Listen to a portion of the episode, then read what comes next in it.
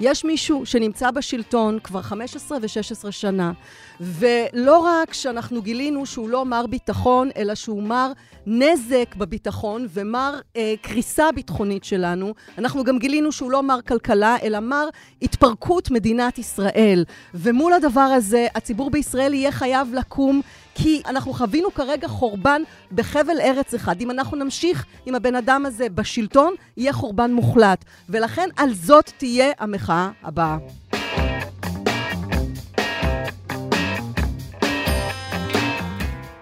ברוכים הבאים למרקרים, פודקאסט סוף השבוע של דה מרקר. ההזדמנות שלכם לקחת פסק זמן ממחזור החדשות היומיומי ולצלול איתנו לאירועים, לאנשים ובעיקר לרעיונות מאחורי החדשות. כאן באולפן איתכם כבדי שבוע, אנה ג'ורג'י וגיא רולניק. שמענו בפתיח את אורלי בר-לב, עיתונאית עצמאית ואקטיביסטית ממובילות המחאה נגד ההפיכה המשטרית. שלום ענת. שלום גיא, מה העניינים? אה, העניינים בסדר, איך אצלך? ככה ככה, אתה יודע. תקופה לא משהו. אני רוצה לספר לך שנסעתי השבוע לסיור בחברה שפיתחה זן מיוחד של עגבניות שהן מתייבשות באופן טבעי. הן מתייבשות uh, על השיח שבו הן צומחות, חצי מהדרך, ובחצי השני מכניסים אותם למין חדר אוורור כזה, שבו תהליך הייבוש מושלם, זה נעשה ללא חומרים משמרים. זה הרעיון. לחברה קוראים סופרי, והחברה האם שלה אה, נקראת אנרג'י, והיא נסחרת בבורסה, והמניה מזנקת בעשרות אחוזים מתחילת החודש, למעשה מתחילת השנה. אה, אז רציתי להבין במה מדובר, בין היתר כי אני אוהבת עגבניות, ומעניין אותי פיתוחים חקלאיים. את אוהבת עגבניות מיובשות אבל? תדע לך שזה אחד הדברים הטעימים. אני יכולה להגיד לך שהדבר הראשון שעבר לי לראש זה, אני לא מבינה למה צריך אה, סטארט-אפ, בשביל זה אימא שלי מייבשת עגבניות כל שבוע, וזה יוצא פגז.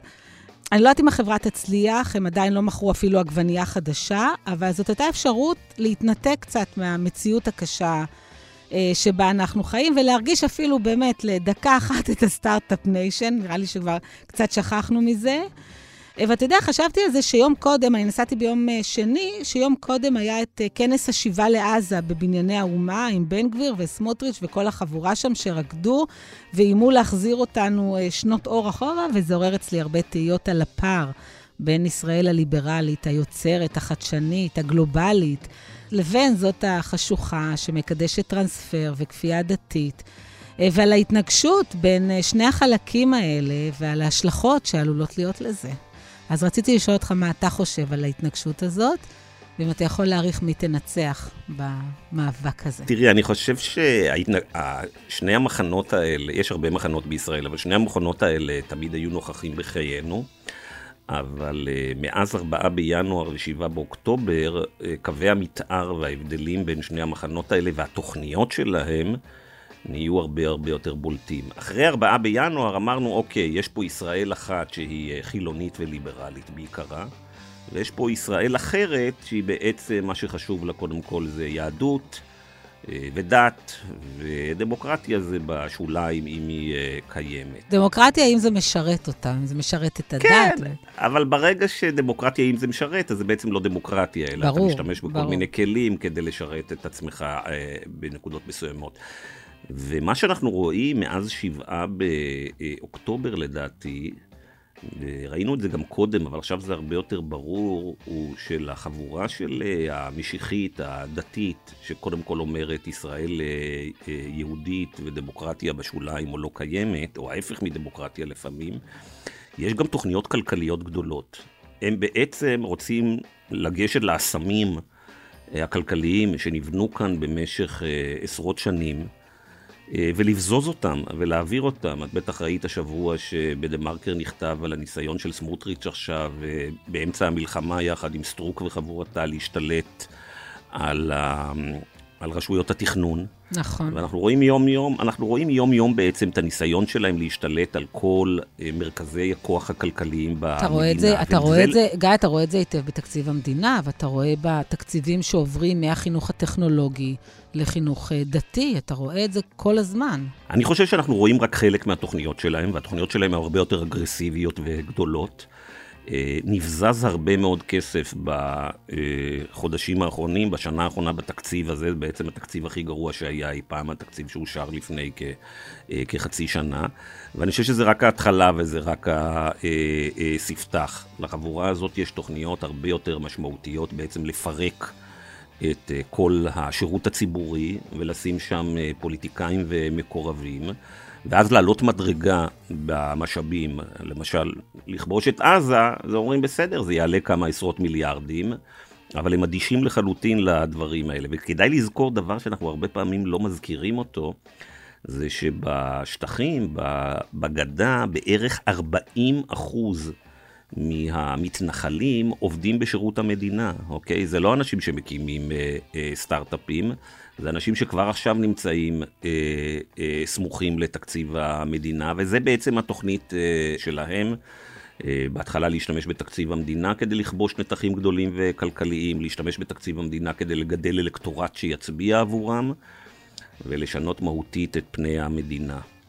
אה, זאת בעצם התוכנית, וכל יום היא עומדת אה, מולנו, והדבר המדהים הוא, ועל זה נדבר היום, הוא ש... אנחנו לא רואים עדיין התעוררות אה, משמעותית ודרמטית של האנשים שמהם לוקחים את הרכוש, את העתיד ואת המדינה הזאת, וחלק מהם אה, יצאו לרחובות בשנה האחרונה, אבל עדיין חלק אה, קטן מדי. אז באמת נדבר בפודקאסט היום על הפערים הללו בין הישראליות, על עליונות הטכנולוגיה והמשמעויות שלה, לתפקיד של המגזר הציבורי בקידום יכולות טכנולוגיות של ישראל, תוך uh, תמיכה בפרויקטים כאלה, ועל מה uh, נותר מהמגזר הזה היום. נדבר על ההשתלטות uh, המבהילה של תנועות משיחיות, כמו שאמרת, בישראל, ועל היכולת להילחם בזה. אה, ובשביל לעשות את כל זה, הזמנו לפה, לפה שתי נשים אה, יוצאות דופן, הילה אה, חדד חמלניק, לשעבר מנכ"לית משרד המדע והטכנולוגיה, שהייתה שותפה בכירה בפיתוח מערכת כיפת ברזל, וכיום משמשת יו"ר חברת דוט, שעוסקת בטכנולוגיה חקלאית. ואת העיתונאית העצמאית והאקטיביסטית אורלי בר-לב, שנמצאת תמיד בלב ההתרחשויות החברתיות והפוליטיות ומדווחת משם. אז מיד מתחילים.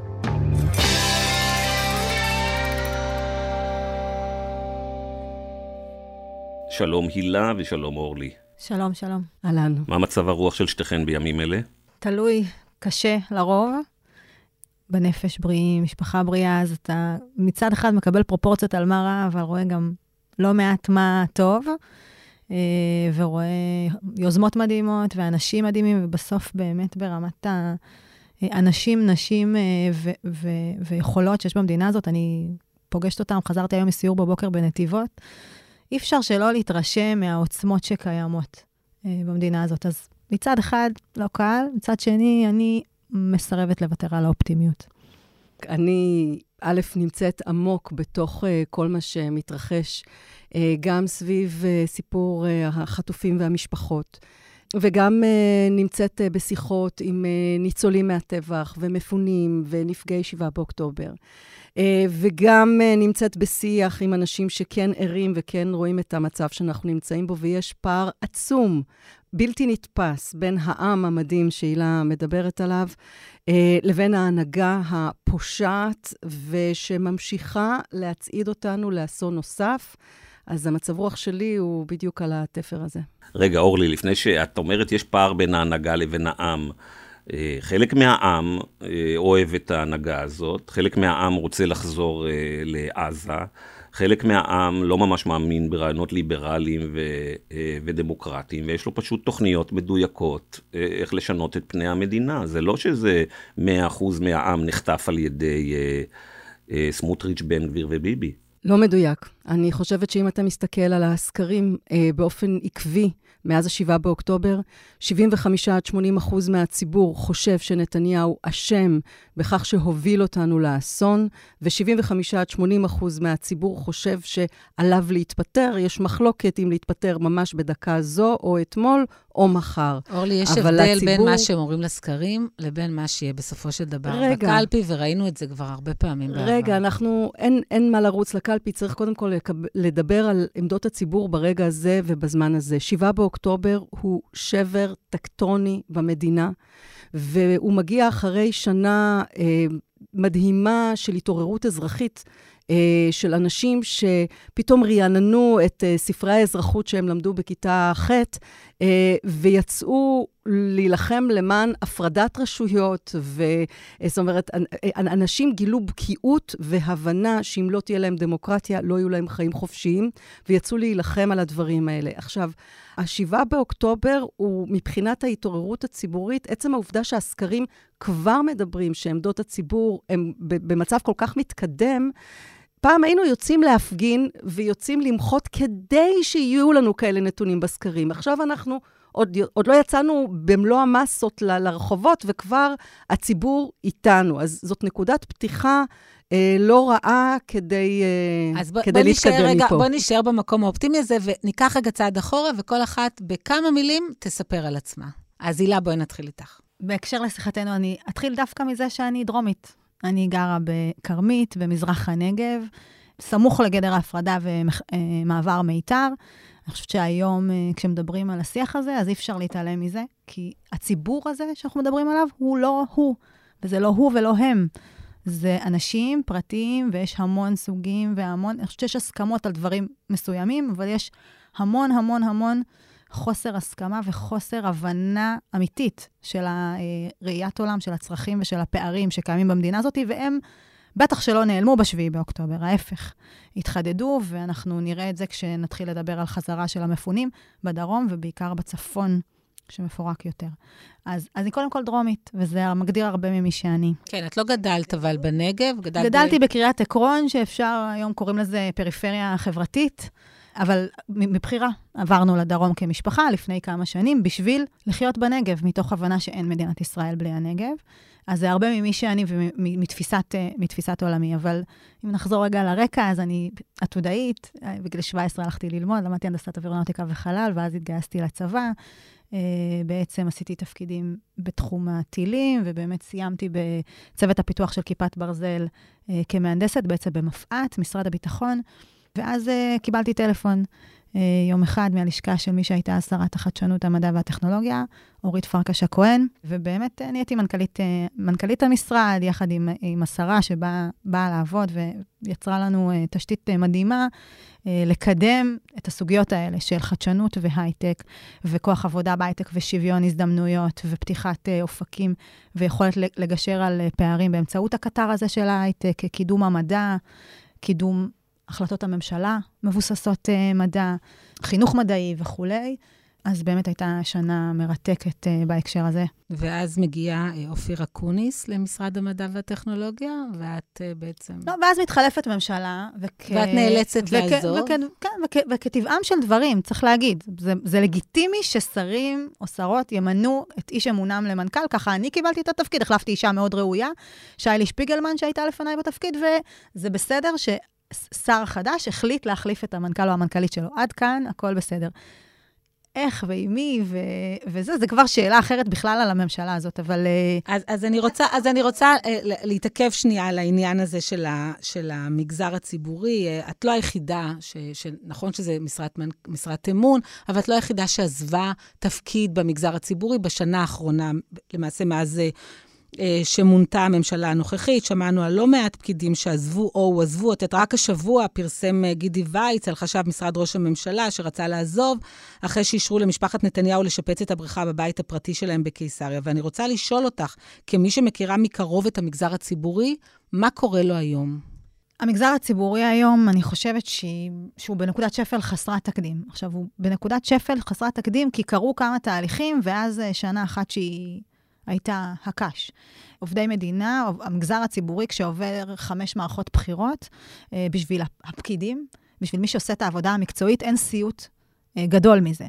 היינו בלי תקציב כמה שנים, בעצם אי אפשר לעשות תוכניות ארוכות טווח, כל תוכנית שאתה עושה לא מתממשת, כל שר שבא או שרה מבקשים אה, לשנות, מבקשים להתאים, מבקשים לבחון, ששוב, כביכול דברים שהם לגיטימיים. שר חדש, לא צריך לאמץ כל מה שהיה, ראוי שיבחן את התוכניות שהונחו בפניו. צריכה להיות איזושהי המשכיות, אבל, אבל גם צריכה להיות יכולת של שר רגע לבדוק. אבל כשזה קורה כל כך הרבה, כל כך מהר, בלי מעברים של אה, תקציב, ש... עם תקציבים של 1 חלקי 12, עם שיח נורא נורא קשה בגנות הפקידים, אז אנשים טובים התייאשו, קמו והלכו. אני חושבת שזה קרה עוד, עוד לפני מה שנקרא ממשלת השינוי. בממשלת השינוי כן הייתה איזושהי רוח חדשה. היינו אה, חבורת מנכ"לים מאוד מאוד מקצועית. מנכ"ליות. עם עשר מנכ"ליות, שהיוו חלק משמעותי מהקבוצה. אה, זה, אני חושבת, הקבוצת אה, קולגות הכי נשית שהייתי בה אי פעם, כי אני בדרך כלל בקב... באזורים מאוד גבריים, אז... אה, וזה נתן את המשקל שלו, את כובד המשקל שלו. ראינו את זה עובד, ראינו את אה, ניהול נשי נורא בולט. הרבה, המון שיתופי פעולה ושיח אחר, ואפשר היה לראות את העוצמות של אה, נשים אה, מנהלות בקבוצה הזו, אה, אבל גם, כולל קבוצת הגברים, רובם באו מתוך השירות הציבורי, רובם באו עם רקע מקצועי מאוד רציני. וזה אפשר גם לגייס אנשים לתוך השירות ש, שרואים את המקצועיות הזאת. ואז הממשלה הזאת קרה בה משהו מאוד מאוד מאוד קיצוני, בפער שבין משרת אמון לבין גורם מקצוע. כאילו נהיה ניתוק בין שני הדברים. הרי כולנו, כל המנכ"לים, של, המנכ"לים והמנכ"ליות של המשרדים, של המשרדים בממשלה הקודמת, כולנו משרות אמון. זה בסדר, זו ההגדרה של מנכ"ל. משהו בממשלה הזאת כאילו ניתק את הקשר. אני, נהיה מין שיח כזה של אנחנו רוצים להביא את אנשי אמוננו, ולכן הם לא מקצועיים, וזה בסדר. הם מנהלים אנשים מקצועיים אחרים, הם לא צריכים להיות אנשי מקצוע. אה, ראינו את התהליכים האלה לרוחב המשרדים. אה, ראינו שעוד מנכ"ל ועוד מנכ"ל ועוד מנכ"ל לא באים מליבת העיסוק המקצועי, כי הם אנשי אמון. עד היום, מי החליף אותך, גם, הילה? אה, אותי החליף אה, גדי אריאלי. שמה הרקע שלו? אה, גדי היה אה, לפני זה דווקא מנכ"ל מכון הייצוא, אבל היה גם ברקע שלו מנכ"ל הליכוד. מנכ"ל הליכוד החליף אותך. אתה לא זוכר שהייתה דרמה קטנה לפני... הייתה דרמה באמצע עם, עם אסנת מרק, אבל, כן. אבל דווקא אני חושבת שזה לא המקרה. אה, אני חושבת שיש אה, מקרים אחרים של, ראינו של כל מיני תרגילים כאלה, של למנות מישהו למשנה למנכ"ל, כי הוא לא מספיק מנוסה, ואז למנות אותו למנכ"ל, כל מיני תרגילים כאלה שלא הכרנו אותם עד, ה, עד הממשלה הזאת. ולמה זה לא המקרה? זה שהוא היה מנכ"ל הליכוד לא אומר שבעצם אה, האיש הוא בסופו של דבר פוליטיקאי? זה שהוא היה מנכ"ל הליכוד לא פוסל אותו. כן. אני לא מכירה את הרקע שלו האחר בשביל להגיד אם הוא מתאים או לא מתאים. אני יודעת להגיד שהוא היה מנכ"ל מכון הייצוא, ולכן בהכרח עבד בתחום הזה בתקופה מסוימת. זה שהוא היה מנכ"ל הליכוד לא פוסל אותו. זה משרת אמון, זה בסדר. יש אה, חוקים בוועדת המינויים, מה אתה צריך להראות בשביל שהוא יעבור את ועדת המינויים? אני חושב שזה כן פוסל אותו. אני לא יודע מבחינת ועדת המינויים, אבל אני שואל את עצמי, שישראל נחשבת למדינה בחזית הטכנולוגיה, ומשרד המדע הוא משרד, אה, והטכנולוגיה והחדשנות הוא משרד משמעותי, ואני כאזרח מדינת ישראל רוצה את האיש הטוב ביותר, או את האישה הטובה ביותר לתפקיד הזה.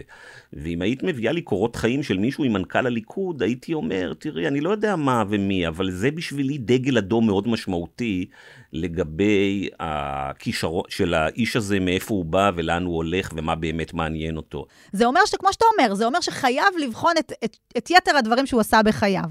אני מסכימה איתך. אבל זה לא אומר שזה אומר שהוא לא. אה, ויש גם הנחיות לגבי זה, לגבי אם יש קשר פוליטי, אז, אז יש בדיקה, הוועדה דורשת אה, בדיקה מעמיקה יותר אה, לפי התקשיר. גם בעולמות הדירקטורים זה אותו דבר. זה, זה לא פוסל, כן. אסור שמשהו יפסול מישהו. אבל אני חושבת שזה שנהיה ניתוק בין הצורך במקצועיות לבין מנכ"לות משרד, ממש היו אמירות של שרים שאומרות, לא צריך, הוא מנהל אנשי מקצוע. אה, הוא לא צריך להיות מקצוע, מקצועי בעצ, בעצמו. היו אמירות של אסנת מארק, שזה כולה משרד של 70 אנשים. היו כל מיני אמירות כאלה, אז אני חושבת שזה מה שראינו מתפוצץ ב-7 באוקטובר. כי כשיש משבר מאוד מאוד מאוד גדול, אז מגיעה המקצועיות. אף אחד לא יכול להכין תוכניות לאירוע כמו 7 באוקטובר. אף אחד לא יכול, אין מי שיגיד, היה לי תוכנית מוכנה, כי זה לא תרחיש שמישהו העלה בדמיונו, לפחות, בטח לא במשרדים האזרחיים. וגם בצבא, מסתבר. אבל בצבא, שבסוף המינויים הם מינויים מקצועיים, ראית יומיים, שלושה בלאגן, וסך הכל, אנשים יצאו מעצמם ומצאו את הפתרונות, שמו את התוכניות, גייסו את היכולות שלהם להביא תוכנית עבודה, לגייס את העובדים וכולי. ובמשרדי הממשלה לא ראינו את זה. לא ראינו את זה ברוב משרדי הממשלה, כי פשוט בדיוק אז נבחנת מקצועיות של מנהל, ניסיון ניהולי, יכולת לייצר תוכנית מאפס, יכולת להתאושש. לייצר recovery plan, לגייס אנשים דווקא בתקופה כל כך קשה. ואז העובדה שאין אנשי מקצוע שמנהלים את המשרדים האלה, פשוט התפוצצה לנו בפרצוף. אני חושבת, ואני חושבת שגם אז גם ראינו את הפערים המאוד גדולים בין משרדים שתפקדו למשרדים שלא תפקדו. אפשר להסתכל על משרד הבריאות, אפשר להיות עם דעתו של משה בר סימן טוב, אפשר להיות נגדו, אבל אין, אין ספק שהוא יודע לנהל את המערכת הזאת, או שהוא מבין איך מנהלים את המערכת הזאת. אפשר היה לראות את זה במשרד אה, האנרגיה, אה, שמנכ"ל אותו קובי בליטשטיין, ש, שהוא גם איש מאוד מנוסה במגזר הציבורי. אפשר היה לראות שבמקומות שבהם יש מישהו עם ניסיון ניהולי, יש איזושהי התאוששות ויכולת התמודדות עם המשבר הכל כך גדול הזה. ולעומת זאת, ראינו שבמשרדים אחרים ממש uh, הייתה התפרקות, וראינו את החברה האזרחית המדהימה נכנסת לתוך המקומות האלה, אבל אז השאלה היא למה על, יש מדינה. את מדברת על משרת מנכ"ל, אבל בכל הרמות יש היום אה, נטישה של המגזר הציבורי, של חבר'ה צעירים וטובים. מה ההשלכות של זה שנים קדימה? בעיקר שאנחנו לא מגדלים. ברור שמישהו היום צעיר טוב, שרואה את עצמו מתקדם, רואה מי נהיה מנכ"ל או איך נהיה מנכ"ל, אומר, אני לא רוצה להיות פה. כולנו רוצים איזשהו אופק, אנחנו רוצים להשקיע כדי לקבל אה, הערכה, אה, קידום וכולי, ואם אנחנו מזהים שאין קשר בין הפעילות שלנו למה שיקרה, אז, אז אנחנו לא נהיה שם. בטח דווקא האנשים הטובים, הם בדרך כלל יזהו את זה, יהיו מה שנקרא הראשונים לזהות ו, ויברחו. אה, מה זה אומר? ששנים קדימה, שינויים במגזר הציבורי, גם בגלל תהליכי הכניסה והיציאה מהמגזר הציבורי. אבל גם בגלל שזה פשוט uh, מערכת מאוד מאוד גדולה, אז זה מה שנקרא אה, קל להרוס וקשה לתקן. ייקח לנו שנים, גם אם מחר תמונה ממשלה או, או מגזר הציבורי, מנכ"לים מדהימים בכל אחד מהמשרדים, התהליך הזה של אה, לגייס ול, ולרתום אנשים ולגרום לאנשים להאמין שהם ייכנסו לשירות הציבורי ויוכלו לעשות טוב וישפיעו, וזה תהליכים שקרו שנים, צריך להגיד, גם, גם בממשלות של בנימין נתניהו, הנושא הזה זוהה וטופל לאורך השנים. הוקם אה, אגף שלם שנקרא אה, עתודות לישראל. התוכנית שאני לקחתי בה חלק צוערים בשירות המדינה הוקמה על ידי ממשלת ליכוד, מתוך הבנה שצריך עתודה ניהולית. זאת אומרת, איפשהו בדרך זה הלך לאיבוד. אבל זה דברים שלוקחים שנים, זה תהליכים שלוקחים שנים, והבריחה כזאת היא קורית נורא נורא נורא מהר. אורלי. גיא. אה, טוב, תספרי למאזינים על המסלול שלך, למי שלא מכיר. אולי המסלול אה, מתחיל, אה, ושם אה, גם אז אנחנו הכרנו ב-2011, המחאה החברתית. הייתי אזרחית אה, סטנדרטית אה, שגידלה את אה, שתי הבנות שלה וכמה מלפפונים בגינה, ואז אה, פתאום אה, האוהלים אה, מילאו את הארץ ופתחתי אוהל, ונדמה לי שמאז לא סגרתי אותו. Uh, לאורך השנים uh, לקחתי את הכישורים שלי מהעבר, uh, שהייתי עיתונאית בגופי תקשורת uh, uh, של תקשורת מרכזית. גם uh, בארץ. נכון. גם בארץ הייתי עורכת, וגם ברשת ב' uh, של כל ישראל, בשעתו הייתי כתבת. Uh, לקחתי את הכישורים האלה וערבבתי את זה עם אקטיביזם, ומה שיצא זה... פעילות ברשתות החברתיות, אבל פעילות עיתונאית אקטיביסטית, הרבה סביב הגז. אה, גם אה, בשנים של 2013-2015, המאבק במתווה הגז, ובהמשך בכלל מאבקים בשחיתות אה, ציבורית ולמען הדמוקרטיה, סיקור של תיקי נתניהו ומלחמתו של נתניהו בדמוקרטיה, שלא התחילה ב-2023, אלא עוד קודם, הכרסום ואגב, גם כל הנושא של פירוק אה, של השירות הציבורי באמצעות מינויים לא ראויים, או מינויי אנשי אמון ושומרי סף, אה, שוב, אנשי אמון במקום שומרי סף. אז כל התהליך הזה הוא תהליך רב שנים, והתחלתי לעקוב אחריו בערך סביב 2018. אה, כולל שידורים חיים ומהדורות חדשות, ואז הגענו בואכה מחאת בלפור והמחאה נגד, צריך לומר, מחאת בלפור, זו הייתה מחאה אה, נגד נתניהו עם הקריאה לך, והיא הצליחה להוציא אותו מבלפור תחת האמירה העקרונית והערכית שלא ייתכן שיהיה ראש ממשלה שהוא נאשם בפלילים. והיום אנחנו יודעים מצוין למה לא טוב, למה זה קטסטרופה, למה אנחנו יכולים להגיע לקטסטרופה כאשר יש אה, בראש המדינה אדם שיש לו אה, תיק אה, משפט, משפטי לנהל, והאינטרס האישי גובר על האינטרס הלאומי, והתוצאה היא חורבן. אז אני מלווה, וכמובן בהפיכה המשטרית הייתי גם חלק מהקולות שהניעו את המחאה הזאת והובילו, ובעיקר המטרה הייתה להעיר את האנשים, אה, וראינו באמת בשנה החולפת אה, התעוררות אזרחית אה, יוצאת דופן, שהיא בעיניי, אפרופו העתודות, שהיא בעיניי העתודות של המדינה, המון אנשים ש... עד אז היו עסוקים בדלת אמותיהם, פתאום הבינו שיש כאן איזושהי בעיה רוחבית, ושעוד רגע לא תהיה לנו מדינה שאפשר לגדל בה ילדים. וההתעוררות הזאת, כאמור, כמובן חל שינוי דרמטי ב-7 באוקטובר, ואז הגענו עד עכשיו.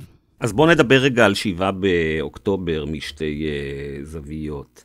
Uh, ממך, uh, הילה, אני רוצה לשמוע קצת רגע על ה...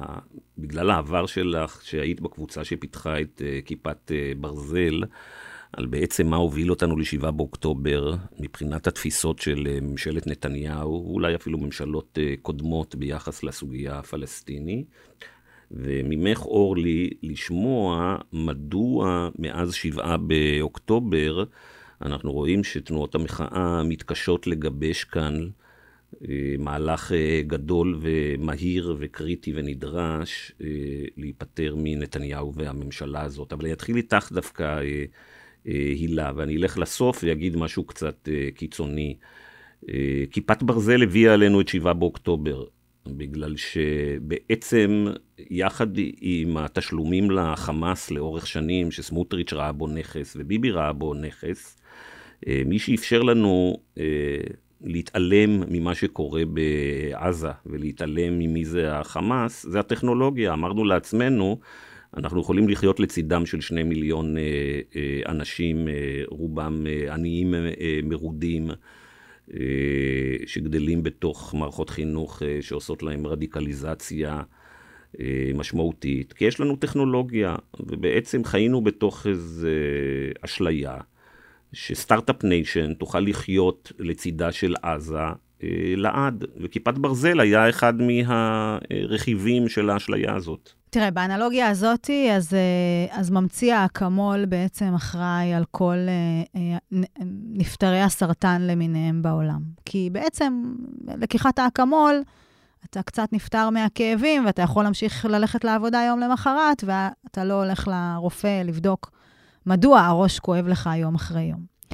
כיפת ברזל זו טכנולוגיה מדהימה, אפשר לדבר פעם על אה, כמה היא השפיעה על המשק הישראלי, גם במותג של ה start-up nation, וגם באמת באמת מטכנולוגיות שיצאו ממנה, ומכירות שהיא עצמה עשתה, או מכירות שהגדילה לתעשייה הביטחונית הישראלית.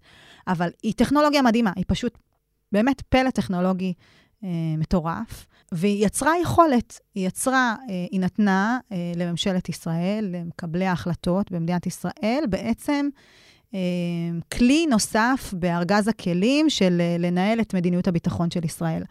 לצד ההתקפה, לצד ההרתעה, לצד ההגנה ולצד ההגנת, הגנת העורף. אחד מהתארים שעשיתי זה התואר בלימודי אה, דיפלומטיה, כלל קורסים מביטחון, ואז היה רק חץ. ובאמת, אה, אה, היה לי אז ויכוחים עם, אה, עם פרופסור פדצור, זיכרונו לברכה, שנהרג אחרי כמה שנים בתאונת דרכים, אבל על האם החץ, בדיוק השיחה הזו, האם נכון לפתח את החץ או לא, כי הוא היה אמר אותו דבר, אם יהיה לנו חץ, אז אנחנו נתמגן ולא נתקוף.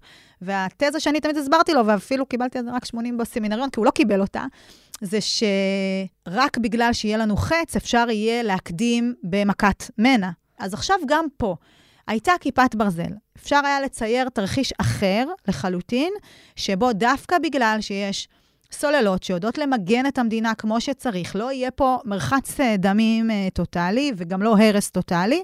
אתה יכול לצאת למכת מנע, בין בדרום, בין בצפון, אה, מכת, בהפתעה או שלא בהפתעה. למה זה לא נעשה? למה זה לא נעשה? זה לא נעשה כמו שלא מייצרים נת"צים, כי הנת"צים עושים עכשיו הרבה פקקים, אבל יפתרו את הבעיה של הפקקים בעתיד, כי אנשים מתנגדים עכשיו לנת"צים ואז מפסידים בבחירות.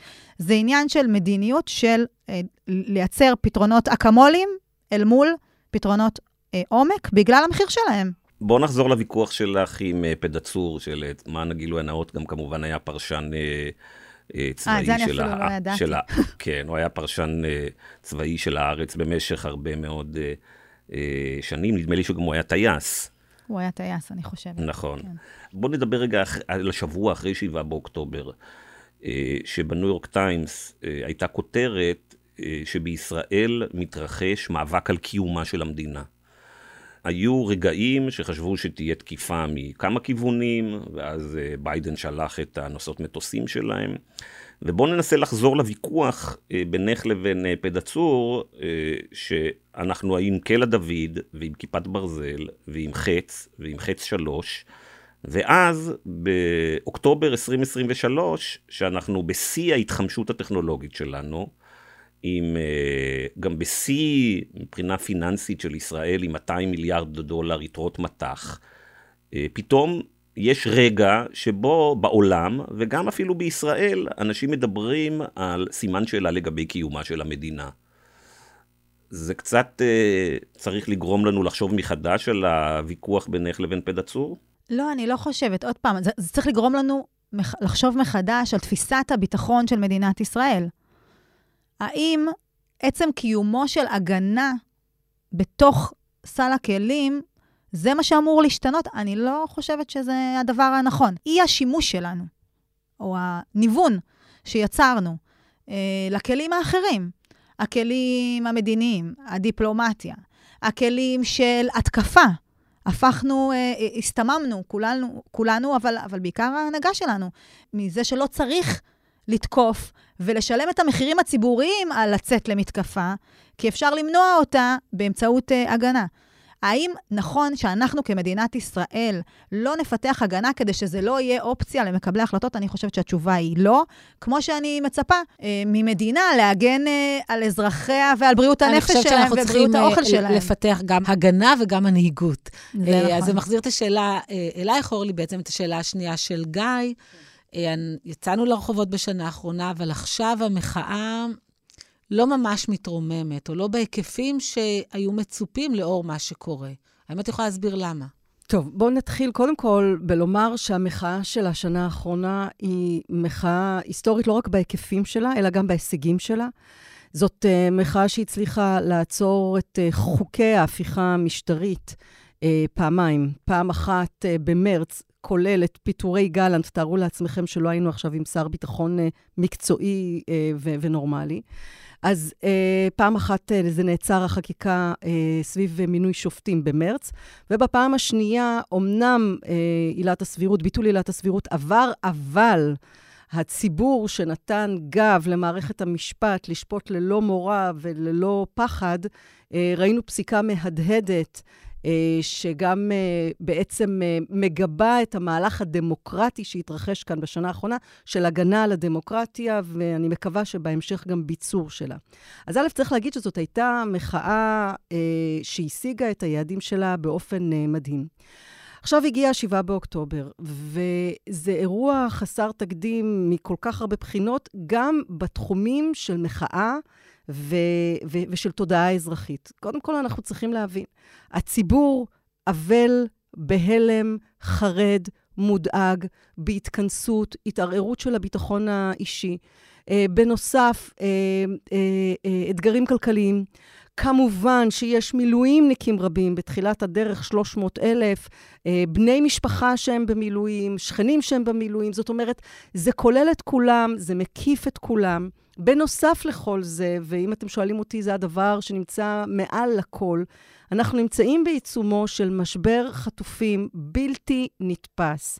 האירוע הזה א', הופך את הבטן של רבים מהציבור שאנחנו כאילו מצפים ממנו שמיד יצא, ייקח את הדגל ויצא לזעום. יש ציבור שלא ישן בלילות מתוך דאגה וחרדה לחטופים, והציבור הזה גם מתגייס אה, מתוך אה, תמיכה וסולידריות באירועי תמיכה וסולידריות של החטופים, וגם צריך להגיד, יש היום ברחובות כרגע שתי מחאות באופן כללי, שני גלי מחאה, שהם, זה לא קשור ברמה המהותית, אבל הדברים יכולים עוד להתחבר בהמשך. הנושא של אה, משבר החטופים והצורך המיידי להחזיר אותם מיד, את כולם, בריאים ושלמים, האירוע הזה הוא אירוע שמצד אחד אנחנו רואים הצהרות של תמיכה והזדהות, אבל צריך להגיד שיש עוד גוונים חדשים שאנחנו רואים בשבועות האחרונים, של חסימות של האיילון, אה, ושל אה, שיח גם יותר נוקב, יותר חד, ואפילו, אני יכולה לומר, לצטט למשל את אה, איילה מצגר, שאמרה באחת ההפגנות, אם אתם לא יכולים להביא לנו עסקה, אז תפנו דרך למי שכן יכול להביא עסקה. למרות שמאוד חוששים החטופים להביע ביקורת אז אני אומרת, יש את משפחות החטופים ואת ההתנהלות בהצהרות, שהיא התנהלות שמתרחקת מאמירות פוליטיות, אבל אני אומרת שבשבועות האחרונים אנחנו רואים גם גם פעולות שטח יותר אקטיביסטיות, אה, ולא רק מיצגים, אלא שיבוש, חסימה. אה, של איילון או כבישים אחרים, ולצד זה אני אומרת שיש גם כמה משפחות שהשיח הוא כבר פחות, מ... לא ממצמצים, לא מפחדים לומר אמירה ביקורתית. אם אתם לא יכולים להביא את העסקה, אז לכו. אבל כאילו, כן נותנים צ'אנס לממשלה להביא את העסקה. אורלי, תראי, אני, יש הרבה סיבות שלא מביאים את החטופים, אני לא מומחה בזה, לי נדמה ש... נתניהו ושותפיו, זה בתחתית סדר העדיפויות שלהם. זה נוגד את האינטרס שלהם אפילו. כן, אבל זה מתחבר למשהו שאמרת מקודם, שאני מודה קצת הטריד אותי. אמרת, גלנט, תארו לעצמכם מה היה קורה אם לא היה לנו שר ביטחון מקצועי ונורמלי. ואני חושב שיש תהליך שגם פוגש אותנו עכשיו, אחרי 7 באוקטובר, של נרמול הגלנטים. מה זה אומר? אני רוצה להזכיר לך, גלנט הוא שותף בהפיכה המשטרית. גלנט סירב להתפטר, אוקיי? הוא פוטר. הוא סירב להתפטר ולעבור צד בנקודה שבה בעצם הוא יכל להביא לנפילתה של, ה, אה, נכון. של הממשלה. אבל אנחנו היום נמצאים באיזה עידן שבגלל שאיזה רבע דקה הוא היה לעומתי לנתניהו, שנתניהו היה לעומתו, אז אנחנו בעצם מחבקים אותו, ואנחנו רואים לא, את לא, זה... לא, קרוס... לא, לא, לא מחבקים, אבל אומרים שיכול היה להיות יותר גרוע, גיא, מפני שאם היית שם את ניסים ואטורי כשר הביטחון, אז היינו בבעיה פשוט יותר קשה. זה בערך, מה, אני, זאת אומרת, זה עניין של פרופורציות. כן. לא, לא, לא התכוונתי לנרמל אף אחד, ושיהיה ברור שכל השותפים להפיכה המשטרית, הם אה, מקומם באמת בפח ההשפעה של ההיסטוריה, ו... וצריך להגיד, אמנם גלנט אה, עשה איזשהו מהלך לעומתי, אבל בואו רק לא, לא נגמד גם את המהלך הלעומתי הזה. כי גלנט כן, וצריך להגיד, הוא כשל אחר כך ביולי, כאשר הוא כן התכופף אה, בסיפור של ביטול עילת הסבירות. אבל במרץ, העובדה שהוא בא והזהיר מפני סכנה ביטחונית, ככל שהחקיקה הזאת תקודם, היא גם אמירה שהתבררה, כמובן הוא ציטט את בכירי מערכת הביטחון שבאו והזהירו, האויבים מסתכלים עלינו, הם רואים אותנו מתפרקים, הם רואים אותנו נחלשים, צריך לעצור את כל הטירוף הזה. כמובן שהמעשה שה, הזה באותו רגע הוא היה המעשה הנכון. אני חושב שהמעשה הנכון היה להתפטר, אבל אני רוצה רגע לדבר על היום ועכשיו. אז לגבי היום ועכשיו רציתי להגיד שמצד אחד אנחנו צריכים לראות שיש ברחובות, אחד, אה, מחאות ועצרות ו- ומעורבות אזרחית בנושא של משבר החטופים. מהצד השני, אה, יש אלפי אנשים שיוצאים מדי שבוע בשורה של אה, מוקדים ברחבי הארץ, בימים שונים גם, חלק בשישי, חלק במוצ"ש, סביב קריאות של או הדחה עכשיו או בחירות עכשיו. אני, לשיטתי, אני נמצאת ברחובות, אני מלווה את זה, מעבירה שידורים, חיים וכולי, אבל אני חייבת להגיד שאני מרגישה, לשאלתך, איך גורמים לגל הזה להתעורר עוד. אני מרגישה שהציבור זקוק להסברה אינטנסיבית יותר, וכאן אני לוקחת אה, אחריות uh, כולנו, זאת אומרת, כולנו גם כתקשורת עצמאית וגם כתקשורת מרכזית. אנחנו צריכים להסביר לציבור א', שכל עוד נתניהו בשלטון, לא רק שאנחנו נפסיד, אלא אנחנו נמשיך בנתיב של חורבן, בין אם זה כלכלית ובין אם זה צבאית וביטחונית. למה את לא מצליחה להסביר את זה לחברייך למחאה, מאחים לנשק, שהפכו להיות המאמי הלאומי? והחליפו את השירות הציבורי, והם שכחו שהם קמו לא כארגון פילנטרופי, הם קמו כדי להחליף את השלטון שרצה לרסק פה את הדמוקרטיה. תראה, אני לא נוהגת uh, לחלק uh, ציונים לאקטיביסטים אחרים בשדה האקטיביסטי. אני uh, יכולה רק לבוא ולצעוק את הצעקה שלי, ולקוות שאנשים יצטרפו. אגב, יכול להיות שיש אנשים שיש להם תפיסה או ניתוח של המצב אחר משלי.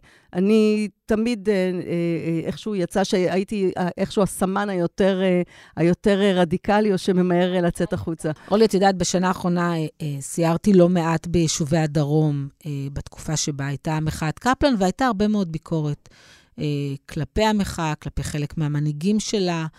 אה, והיום מדברים על התחדשות המחאה, על רקע, בין היתר גם על רקע אה, אירועי ה-7 באוקטובר, ואני רוצה לשאול אותך אם את חושבת ש, שהמנהיגים של מחאת קפלן צריכים להוביל גם את המחאה הזאת, או שצריך לשלב בזה מנהיגים אחרים, חדשים, אה, שיכולים להוביל לבד או לצד המנהיגים הישנים.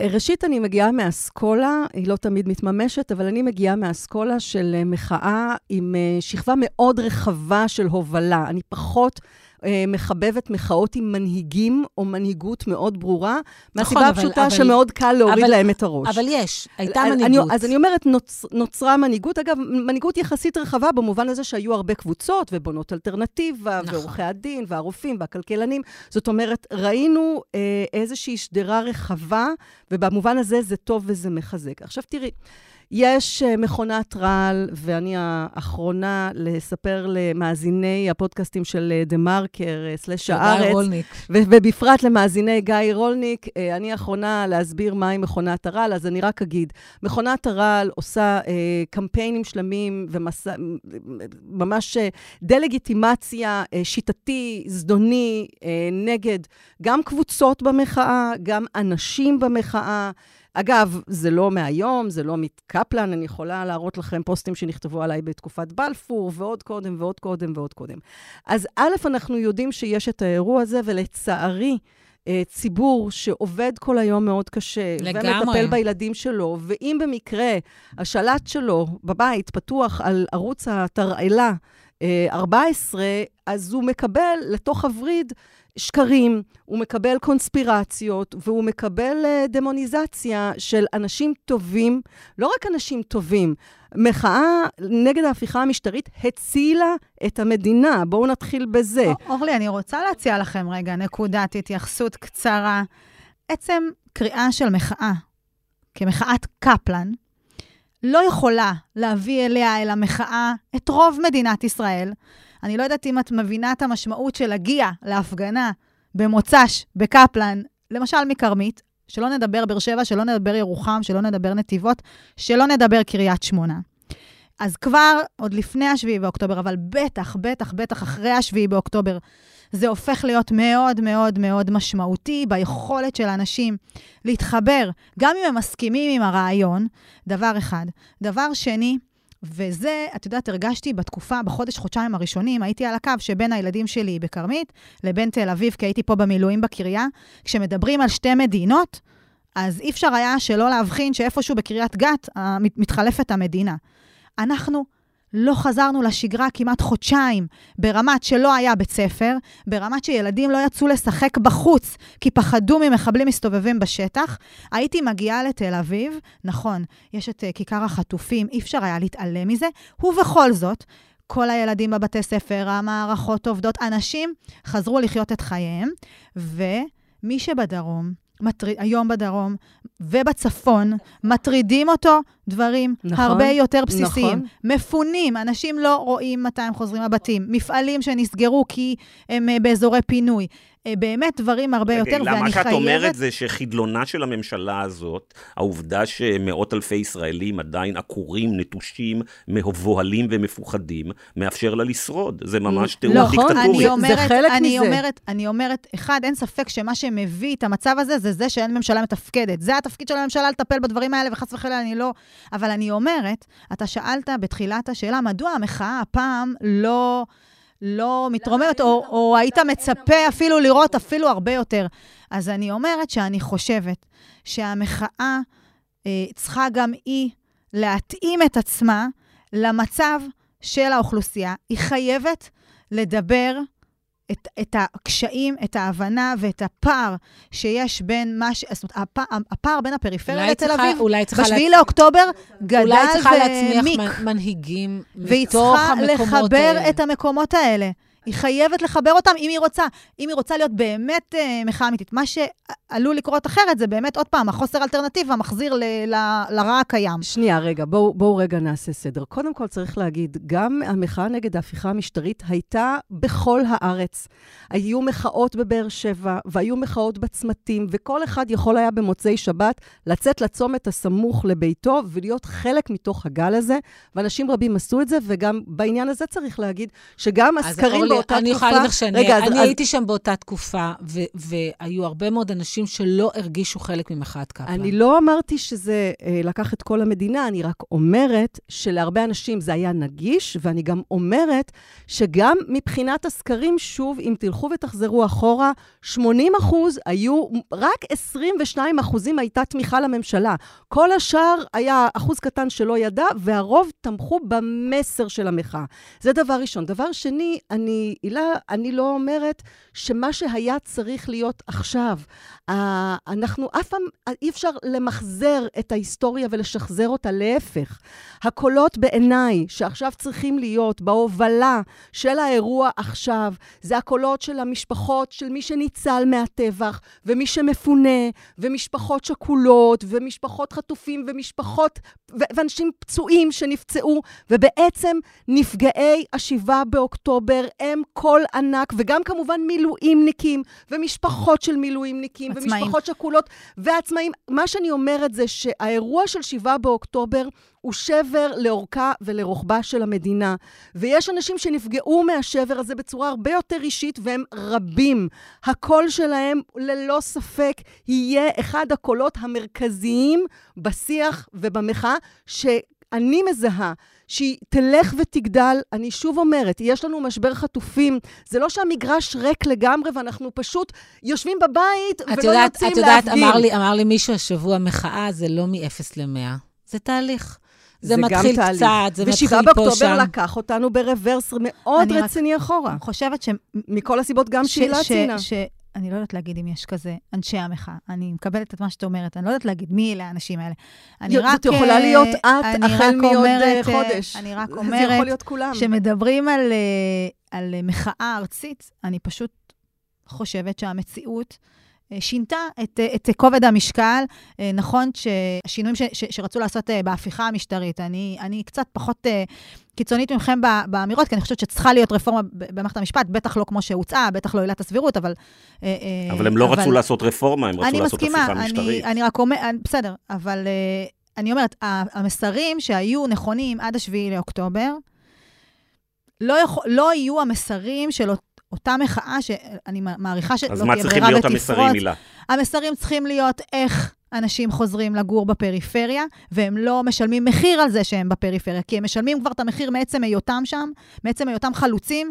כמו ששילמו uh, מי שעזבו את uh, אירופה ועברו לפה uh, בשנות ה-30 ולא טסו לארצות הברית, אז היום החלוציות הזאת היא לגור במערב הנגב, במזרח הנגב, בצפון, כש, כשירגעו הקרבות. בשוך הקרבות המחיר של לגור בפריפריה יהיה מאוד כבד. ודברים שלא היו, עליהם לא יצאנו למחאת קפלן. זה שאין אה, תור לרופאים אה, בבאר שבע גם חצי שנה אה, קדימה, וזה שהחינוך של הילדים בפריפריה הוא פחות טוב, ויש פחות חוגים, ואין כיתות מחוננים. תיוולד כאן מחאה אחרת, כבר, כבר יש ברחובות מחאה אחרת שהיא הולכת וגוברת, ואני רוצה להגיד לך, הילה, שהמחאה הזאת וכל הדברים שאת תיארת, הם בעצם מתחילים ממקור אחד. יש מישהו שנמצא בשלטון כבר 15 ו-16 שנה, ולא רק שאנחנו גילינו שהוא לא מר ביטחון, אלא שהוא מר נזק בביטחון ומר אה, קריסה ביטחונית שלנו, אנחנו גם גילינו שהוא לא מר כלכלה, אלא מר התפרקות מדינת ישראל. ומול הדבר הזה, הציבור בישראל יהיה חייב לקום, כי אנחנו לא סתם, אנחנו חווינו כרגע חורבן בחבל ארץ אחד. אם אנחנו נמשיך עם הבן אדם הזה בשלטון, יהיה חורבן מוחלט. ולכן על זאת תהיה המחאה הבאה. יפה. עכשיו השאלה שלי אליכם כדי לסיים בצורה אופטימית היא מאורלי והילה. מתי לדעתכם אנחנו נפטרים מנתניהו ואיך זה יקרה? הילה. שאלה שאתה יודע, אני יודעת מה, הנבואה ניתנה לשוטים. אני לא חושבת שיהיו בחירות כל כך מהר, פשוט כי כשבאים מהמנגנון הציבורי, אז מבינים שיש לכל דבר uh, תהליכים. זאת אומרת, בסוף, כנסת צריכה להחליט שהיא מפרקת את עצמה, צריכה להצביע על זה, uh, עד שהיא מגיעה לאותה נקודה. לדעתי, רוב חברי הכנסת יבינו שהם לא חוזרים למשכן, ולכן גם כשהם כבר יגיעו לאיזושהי החלטה על, על מועד בחירות, הם ככה ייקחו לעצמם עוד כמה uh, חודשים של, uh, uh, של שהות במשכן. Uh, אני חושבת... שתהיינה בחירות סוף 2024 או רק ב-2025. זו הערכה שלי, אני לא יודעת את מי היא משמחת ואת מי היא מעציבה, ואני חושבת שבשביל שאנחנו נראה תמונה שונה, משהו בשיח המאוד עמוק אה, צריך אה, להשתנות. צריכה להיות הבנה שנדרשים להיות חלוצים במדינת ישראל, שביטחונה, אגב, ביטחונה הכלכלי והפיזי של מדינת ישראל נטוע בהימצאותנו בעוטף עזה, במזרח הנגב, אה, באצבע הגליל, בגליל. אני לא מדברת על uh, מעבר, uh, מעבר לקווים, אבל בטח, בטח בשטחה הריבוני של מדינת ישראל. ואת לא חוששת, הילה, שבזמן הזה יברחו מכאן וימשיכו לברוח? את מתעסקת בהייטק ובסטארט-אפים ביתר שאת בחודשים האחרונים, פגשת עשרות או מאות יזמים, את לא פוחדת שפשוט יקום פה דור חדש שיגיד, תודה רבה, אנחנו נחפש את המשך דרכנו באירופה או בארצות הברית? אני חושבת שמי שמסתכל על, על אירופה וארצות הברית בימים האלה, רואה שגם שם אה, אה, ליהודים המצב הוא לא משהו, ודווקא הפוך. אה, כמו ששוב, ההיסטוריה בסוף מלמדת אותנו, ואנחנו חוזרים על ההיסטוריה. אני חושבת שנולד לנו עכשיו דור של יזמים ויזמיות, של לוחמים ולוחמות, ובתקווה גם מנהיגים ומנהיגות, שרואים עכשיו שאחד, אי אפשר להפקיר את המקום הזה. חייב להיות חלק. חייב לקחת אה, אה, חלק בפעילות, ואי אפשר לסמוך על זה שמישהו יעשה טוב ושיהיה טוב. לוחמת שנלחמת היום בעזה, יוצאת משם עם הבנה ששום דבר לא גדול עליה. היא יכולה להפוך את העולם, והיא תדע לגרום למדינה הזאת להיות טובה יותר, ואני חושבת שהדור הזה, גם אם יהיו כאלה שילכו, הוא הדור שיחזיק אותנו, והם רבים. אני מקווה שהיא לא יוצאת מעזה, מסתכלת ערוץ 14 ומשתכנעת שצריך לכבוש את עזה. גם זה קיים היום. אני חושבת שזה... אבל גיא, אנחנו היינו, היינו באיזו אווירה אופטימית. לא, לא, ברור. אורלי, אופטימיות לסיום. תני לנו תאריך פקיעה לנתניהו ואיך זה יקרה. כן, אורלי, ברור. אורלי תקדים, נראה לי. אז, אז אני, אז אני אה, אה, אדבר בהתכווננות. אני יכולה להגיד שאני ועוד הרבה מאוד אנשים מודאגים מאוד ופועלים כדי שאנחנו מהר מאוד נהפוך את התקליט הזה, אבל, אבל צריך להגיד, מעבר לכך שיש כאן את uh, משבר החטופים, יש כאן מהלך של הסברה דרמטי שעל כולנו לעשות. אנחנו צריכים להסביר לציבור שהחלפת נתניהו צריכה לקרות עכשיו, ושאם היא לא תקרה עכשיו, אנחנו פשוט נגיע להמשך החורבן. Uh, זאת משימה שלנו, ואנחנו צריכים לעמוד בה, וככל שנמהר לעשות אותה, ונעשה אותה כמה שיותר חזק, ככה המערכת הפוליטית, וזו נקודה שלא דיברנו עליה, אנחנו צריכים להפעיל את הלחץ על המערכת הפוליטית. הם פחדנים, הם שפנים. גנץ ואייזנקוט מנרמלים את המשטר הפסיכופתי הזה כשהם נשארים שם. הם מספרים לעצמם איזשהו סיפור אגדה, כאילו הם אה, בולמים החלטות לא אחראיות, אבל בעצם הם נותנים חמצן פוליטי לטירוף. אנחנו צריכים להראות להם, ש... וזה מדהים שאנחנו צריכים להוביל אותם, אנחנו צריכים להראות להם שהם חייבים לצאת החוצה כדי להתניע את המהלך, בין אם זה אי אמון קונסטרוקטיבי, בין אם זה בחירות חדשות, מה שלא יהיה הדחה של נתניהו עכשיו, ישראל חייבת את זה. לא, אורלי כל הזמן אומרת, אנחנו צריכים להסביר לציבור, והיא כנראה לא צופה במשדרים של, אה, במשדרי הטלוויזיה, כי שם מסבירים ברוב הזמן, חוץ מכמה איים שמנסים להסביר את זה, 90% מהשדרים או מתעלמים ממה שאמרת, נכון. או מסבירים שקט יורים, אוקיי? אז אה, אנחנו צריכים רואים. גם להסביר לעיתונאים, אנחנו צריכים גם להסביר לתקשורת המרכזית. אגב, צריך להגיד, יצא השבוע, לפני כמה ימים, מכתב של בכירים שמגדיר את נתניהו כאיום קיומי ממשי ומיידי. המכתב הזה חתומים עליו אה, עשרות בכירים במערכת הביטחון לשעבר ובתעשייה ושגרירים לשעבר ואקדמיה ועסקים, והם בפירוש פונים לחברי הכנסת וממש מתחננים להחליף את נתניהו עכשיו, כי אחרת תהיה קטסטרופה. ובהמשך להערה שלך, גיא, אז התקשורת המרכזית, למעט אה, כתבה אחת שהייתה על זה, לא עשתה על זה פולו-אפ, לא סיקרה על זה, את זה לא מנהלת על זה דיונים באולפן, ובדיוק בגלל זה אנחנו מדברים עכשיו. אז הנה, סיימנו בזה את הפודקאסט שלנו, היה מאוד מעניין. תודה רבה, אורלי, תודה רבה, הילה. תודה.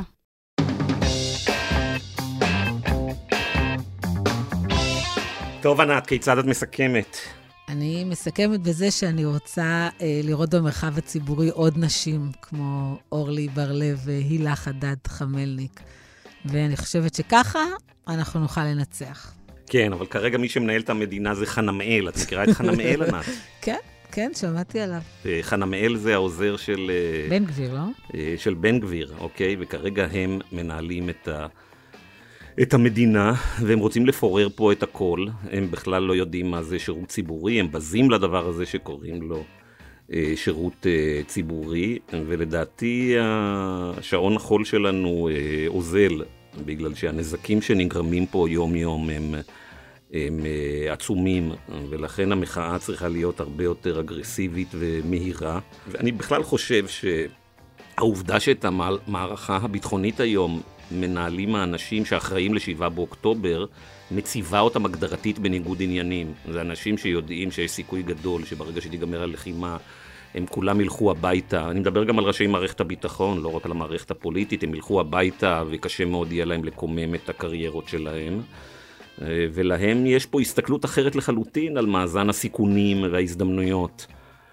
ואנחנו חייבים להיפטר מכל החבורה הזאת אה, מחר בבוקר כדי להתחיל להזיז את ישראל לכיוון יותר אה, נורמלי. וגם אחרי שנזיז אותו, צריך להבין שאם אנחנו נמשיך להתנהל כפי שהתנהלנו ב-30-40 שנים האחרונות, כלומר שרק הימנים והמשיחיים והדתיים מעורבים בפוליטיקה והמחנה היותר ליברלי ויותר אה, שפוי עסוק בענייניו, אז אנחנו נחזור בדיוק למצב שהיינו פה בשנה האחרונה. טוב, גיא עבר עוד שבוע, ושוב לא דיברנו על התוכנית שלך, אבל נעשה את זה אה, בפתיחה בשבוע הבא. אז, אה, אז אני אגיד לך משהו כן על התוכנית. יאללה, בפרק תגיד.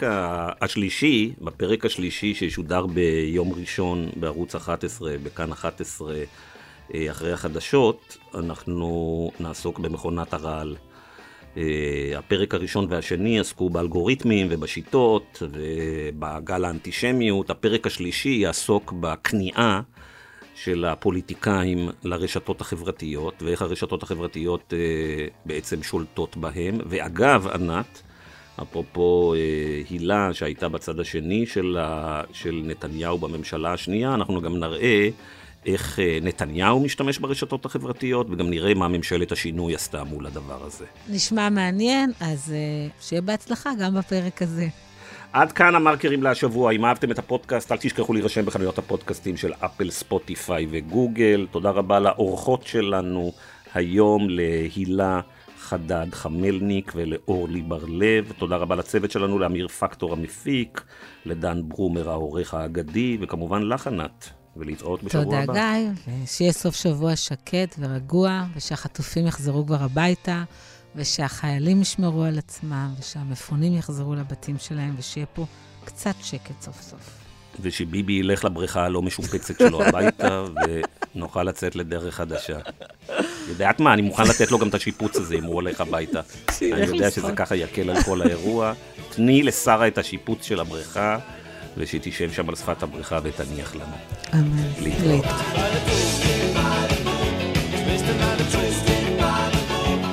doesn't matter.